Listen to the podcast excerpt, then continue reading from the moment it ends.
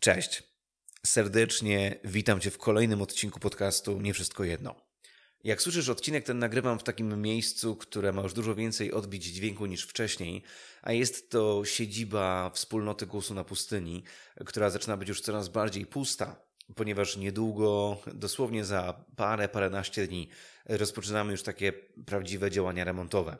O tym z pewnością jeszcze wspomnę w kolejnym odcinku podcastu. Niemniej rzeczywiście mm, ta ilość echa, które jest w tym pomieszczeniu, mam nadzieję, że nie sprawi Ci trudności i będziesz mógł swobodnie przesłuchać całość. Dzisiejszy odcinek mieliśmy nagrywać wspólnie z Rafałem.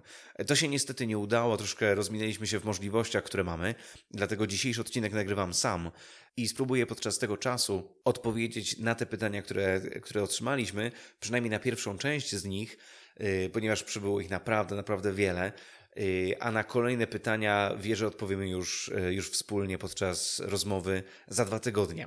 Niemniej dzisiaj bardzo bym chciał dotknąć tych pytań, które wpłynęły jako pierwsze, które pojawiły się też na skrzynce mailowej naszego projektu czyli nwj.małpa.gloznapustyni.pl, a także na Instagramie, gdzie wiele osób pisało swoje pytania dotyczące przestrzeni jedności i tego zagadnienia. I przyznam, że samego mnie te pytania poruszyły, ponieważ są bardzo, bardzo ciekawe e, i spróbuję odpowiedzieć na nie możliwie mm, w taki sposób skondensowany, ale jednocześnie mam nadzieję dość pełny, po to, żeby można było głębiej wejść w te obszary. Y, ostatnio dużo podróżuję i miałem okazję troszkę dzielić się tym tematem jedności.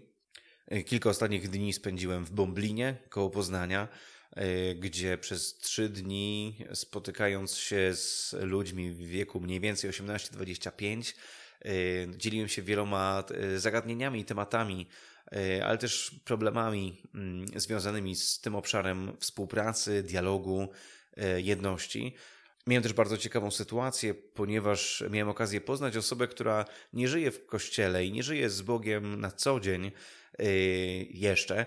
Yy, miałem okazję mówić yy, jej Ewangelię, mówić o Jezusie o tym, co Bóg robi dzisiaj, ale która jest słuchaczem tego podcastu Nie Wszystko Jedno. Jeżeli mnie słuchasz, Kasiu, to serdecznie Cię pozdrawiam ponieważ wierzę, że ten, ten cykl też dużo wnosi w Twoje życie, a na pewno moja rozmowa z Tobą wniosła bardzo wiele we mnie, ponieważ zobaczyłem właśnie ten absurd podziałów widziany oczami y, osoby, która niejako jest ze zewnątrz i patrzy z zupełnie innej strony na, y, na rzeczywistość chrześcijaństwa i rzeczywistość Kościoła i bardzo Ci za to dziękuję.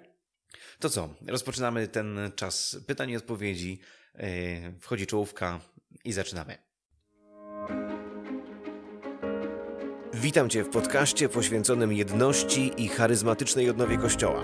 To przestrzeń, która łączy ludzi, szczególnie tych, którym nie wszystko jedno, a którzy są gotowi w swoich domach, miejscach pracy i wspólnotach wiary budować mosty, łamać uprzedzenia i odważnie służyć odnowie Kościoła. Jedność to nie opcja, to szansa. Nie tylko w Kościele, ale też w naszych relacjach i społeczeństwie.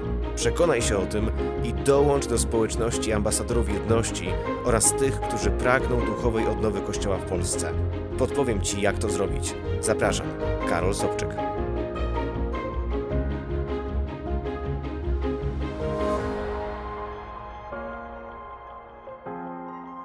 Wpierw pytanie od Ani.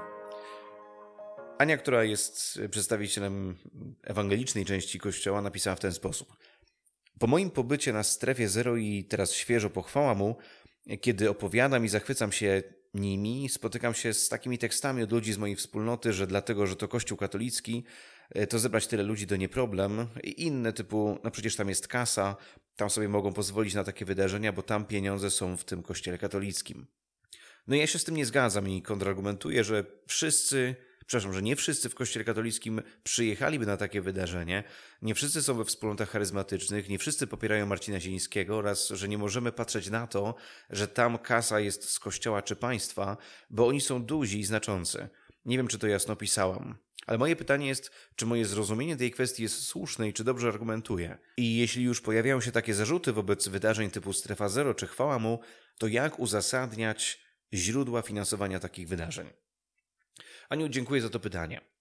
Sam mam okazję uczestniczyć i współtworzyć wiele takich dużych wydarzeń jak e, Strefa Zero, jak Serce Dawida, też w niewielkim stopniu, ale w tym kontekście ekumenicznym e, wydarzenie Chwała Mu i inne konferencje w Polsce. Sam też razem z moją wspólnotą Głos na Pustyni organizowaliśmy konferencję już czas, dużą konferencję dla przywódców, która miała miejsce w Łodzi w lutym tego roku. I to, co mogę powiedzieć, to jest to, że ujmuje mnie sposób finansowania tych e, przedsięwzięć. E, ujmuje dlatego, że one nie są finansowane ze zewnątrz.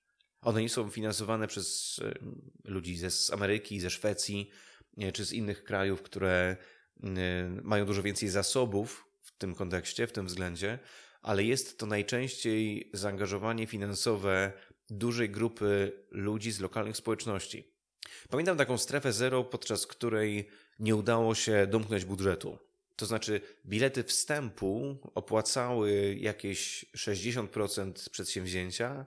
Y, jakaś część została dołożona z budżetu wspólnoty, który jest gromadzony przez mm, cały rok y, we wspólnocie Metanoja, ale i tak to nie wystarczało. Y, I brakowało około 50 paru tysięcy złotych, bodajże około 60 tysięcy. Nie jestem teraz dokładnie pewien kwoty, ale to był ten rząd finansów. I podczas strefy zero miały miejsce też e, zbiórki na ten cel, e, aby pokryć koszty związane z organizacją wydarzenia. Niemniej pytanie było takie wśród organizatorów, czy w ogóle te e, koszty uda się pokryć, no, bo właśnie może braknąć. I podczas tej drugiej zbiórki podeszła do Krzyśka Demczuka pewna osoba. Osoba, która powiedziała w ten sposób, że bez względu na to, ile pieniędzy braknie, on pokryje resztę. I brakło właśnie około 50-60 tysięcy złotych. To był przedstawiciel społeczności ewangelikalnej, który uczestniczył w tej konferencji i powiedział, że chce pokryć resztę. I tylko dlatego to się udało. Y, może Ania słyszałaś o tym, może nie, ale w tym roku strefa zero też wyszła na minusie. Też dość sporym. Y, I przez kilka tygodni trwała zbiórka po wydarzeniu, aby pokryć koszty E, i zobowiązania, które mm, zostały powzięte z uwagi na konferencję Strefa Zero. Więc tego typu konferencje, tego typu wydarzenia e, nie są finansowane w żaden inny sposób niż przez rodzinę, przez braci. I to, co jest piękne dla mnie, z mojej perspektywy, to jest to, że one są współtworzone, e, jeżeli chodzi o ten wymiar finansowy, zarówno przez katolików, jak i ewangelików. Kiedy organizowaliśmy konferencję już czas w lutym, to była konferencja na rzecz pojednania pomiędzy katolikami a ewangelikami, pomiędzy katolikami a protestantami. Podjęliśmy taką decyzję, że protestanci nie będą płacić za to wydarzenie. I katolicy podjęli mm, ciężar, konkretny ciężar tego, aby, aby sfinansować udział około 200 przedstawicieli kościołów ewangelicznych. To naprawdę był trud. Naprawdę było duże, duże wyzwanie dla nas, ponieważ nie mieliśmy jakiś, jakiegoś zewnętrznego finansowania. Nie wsparła nas żadna kuria, nie wsparł nas żaden jakiś budżet kościelny w tym temacie. Po prostu sami jako członkowie szukaliśmy wsparcia, szukaliśmy darczyńców, ale też sami pomiędzy sobą gromadziliśmy środki po to, żeby można było sfinansować brakującą kwotę. Y, mówię o brakującej kwocie, ponieważ też katolicy płacili za udział w wydarzeniu. Także tak wygląda sytuacja z pieniędzmi związanymi z organizacją tak dużych przedsięwzięć.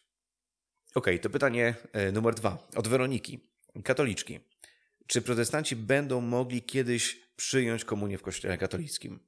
Kiedy możliwa będzie wspólna msza? To jest szerokie pytanie, Weronika, e, i bardzo ambitne.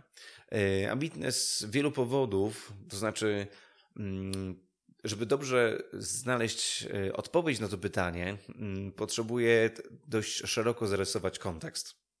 Obecnie sytuacja wygląda w ten sposób, że nie ma interkomunii między Kościołem katolickim a innymi kościołami, szczególnie protestanckimi, ponieważ są pewne, pewne wyjątki w innych obszarach, ale to jest na inny temat. W tym w ogóle temacie będę chciał zaprosić jednego z gości, który, z którymi rozmowę planuję przeprowadzić w najbliższym sezonie podcastu e, i właśnie chciałbym się skupić na tym temacie Eucharystii, bo dostaję dość dużo zagadnień, zapytań dotyczących tego obszaru i chciałbym mu je zadać, a jest rzeczywiście w tym temacie ekspertem. Niemniej to, co jest e, ważne, żeby znaleźć odpowiedź na to pytanie, e, to jest to, jak to wygląda dzisiaj. E, tak jak wspomniałem, nie ma interkomunii między kościołami, a to oznacza, że kiedy ja jako katolik przyjeżdżam na nabożeństwo ewangeliczne, czy jakiegoś, jakiejś społeczności ewangelikalnej, nie uczestniczę w pełni w wieczerzy, która jest tam prowadzona i podobnie przedstawiciele kościołów ewangelicznych czy społeczności ewangelikalnych nie biorą udziału w komunii w kościele katolickim. Dlaczego tak się dzieje?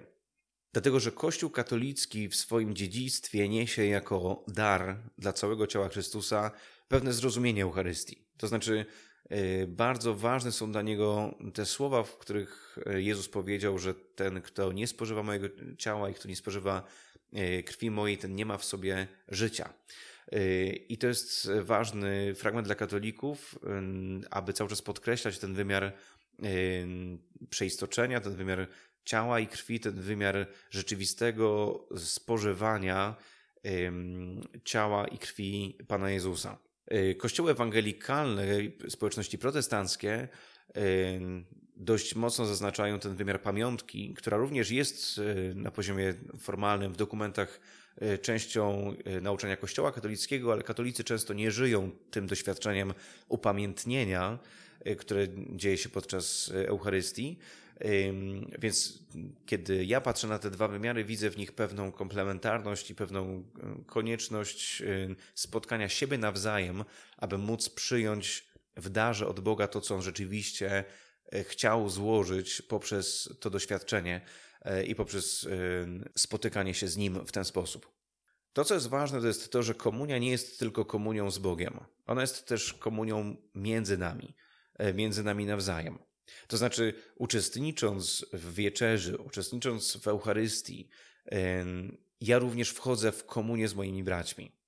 I Kościół katolicki stoi trochę na straży takiego stwierdzenia, że trudno jest przyjmować komunię z braćmi, jeśli nawet jej zrozumienie jest tak odmienne. Dzisiaj mam takie wrażenie i widzę to coraz częściej. Nie wiem, czy ty też, Weronika, to zauważasz, Y, ale y, to jest moje, moja obserwacja, że coraz więcej społeczności ewangelikalnych y, zaczyna przyjmować dużo szersze zrozumienie Eucharystii niż to, które miały jeszcze społeczności historyczne protestanckie, negujące ten wymiar. Mam wrażenie, że powolutku zbliżamy się do siebie, szczególnie we wzajemnym szacunku wobec różnic doktrynalnych, teologicznych w tym temacie, ale też poprzez doświadczanie tej tajemnicy Bożej obecności związanej e, z Eucharystią, związanej z komunią.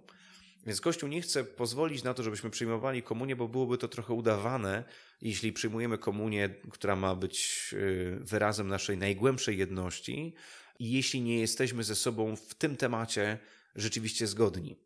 Z drugiej strony istnieje cały szereg argumentów, który e, rodzi też pewne właśnie pragnienia i też może nawet pewną formę zawodu, że to się nie dzieje. E, I jednym z takich genialnych aspektów, o nich chyba już mówiłem w jednym z odcinków podcastu, e, który mnie bardzo poruszył, to była rozmowa takiego biskupa Tonego Palmera, y, o którym wspomniałem Ci na pewno kiedyś, y, z kardynałem Bergoglio, kiedy mm, właśnie jeszcze pełnił urząd kardynała, jeszcze przed tym jak został papieżem, który był dla niego duchowym ojcem. To był Anglikanin, Tony Palmer, który rozmawiał z y, katolickim kardynałem i poprosił go o duchowe prowadzenie. Nawet zadawał sobie pytanie, czy nie powinien konwertować do kościoła katolickiego ponieważ jego żona była katoliczką, e, dzieci wychowywali również w wierze katolickiej i bardzo bolało go to, że nie może uczestniczyć w komunii e, z całą swoją rodziną. I kiedy kardynał Bergoglio został papieżem, biskup Tony Palmer przyjechał do niego do Rzymu i zadał mu takie pytanie, że to, co go nurtuje w tym obszarze, to jest pytanie takie, czy ołtarz jest własnością Rzymu, czy własnością Boga. Bo jeśli jest własnością Rzymu, to nie ma problemu, że nie mamy interkomunii między kościołami, Natomiast jeśli jest własnością Boga, to jest to pytanie, czy aby czasem nie powinniśmy zweryfikować, zrewidować naszego dotychczasowego działania.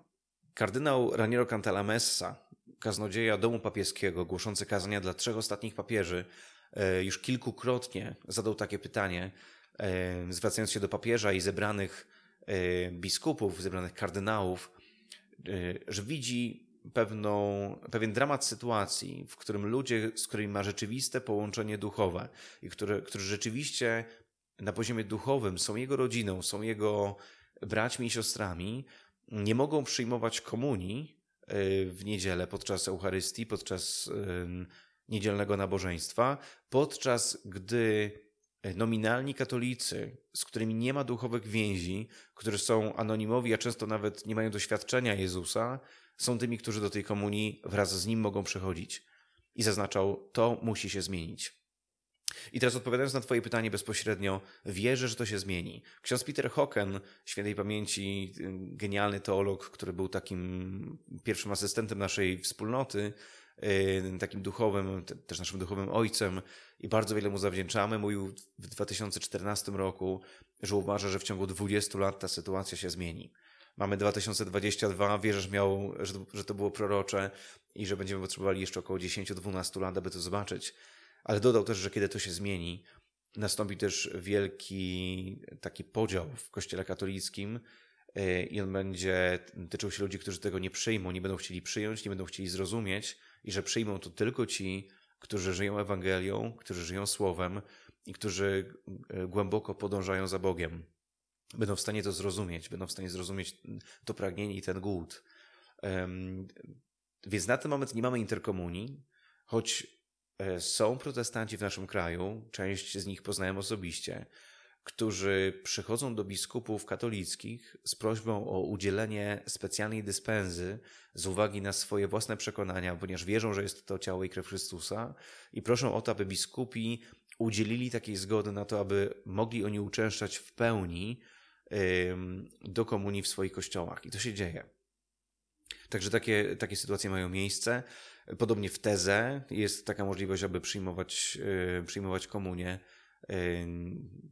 przez społeczności ewangelikalne, przez przedstawicieli tych, tych społeczności. I są takie pojedyncze również wydarzenia, e, na których e, zostaje udzielona dyspensa przez Kościół katolicki do tego, aby można było te, te kroki podjąć. Osobiście marzę o tym, aby w mojej wspólnocie również w przyszłości była taka przestrzeń. Została udzielona taka dyspensa, żebyśmy mogli przyjmować razem komunię, bo wierzę, że jest to pewnym wyrazem takim też proroczym, zwiastunem naszej jedności, tej pogłębiającej się jedności, tej ożywiającej się e, jedności całego ciała Chrystusa. Mam nadzieję, Weronika, że dość e, szeroko odpowiedziałem na Twoje pytanie e, i pozwól, Weronika, że teraz przejdę do pytania Miłosza, katolika, który zapytał mnie o to. Czy uważasz, że każdy chrześcijanin powinien być otwarty na jedność i czy da się żyć z Jezusem bez fokusu na ten temat?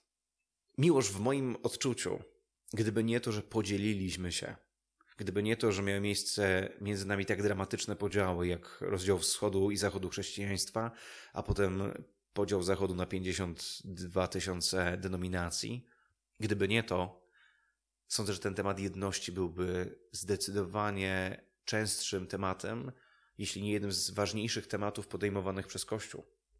Ponieważ Biblia nie zostawia nam wyboru. Jeśli Pan Jezus czterokrotnie prosił swojego ojca w ostatniej modlitwie o to, żeby jego uczniowie byli jedno, to znaczy, że musi być absolutnie ważne. To jest ciekawe, bo wiesz, myślałem o tym ostatnio i pomyślałem, że Pan Jezus w ostatniej modlitwie, którą zanosił, mógł modlić się o inne rzeczy. Wyobrażam sobie siebie, mam ostatnią modlitwę.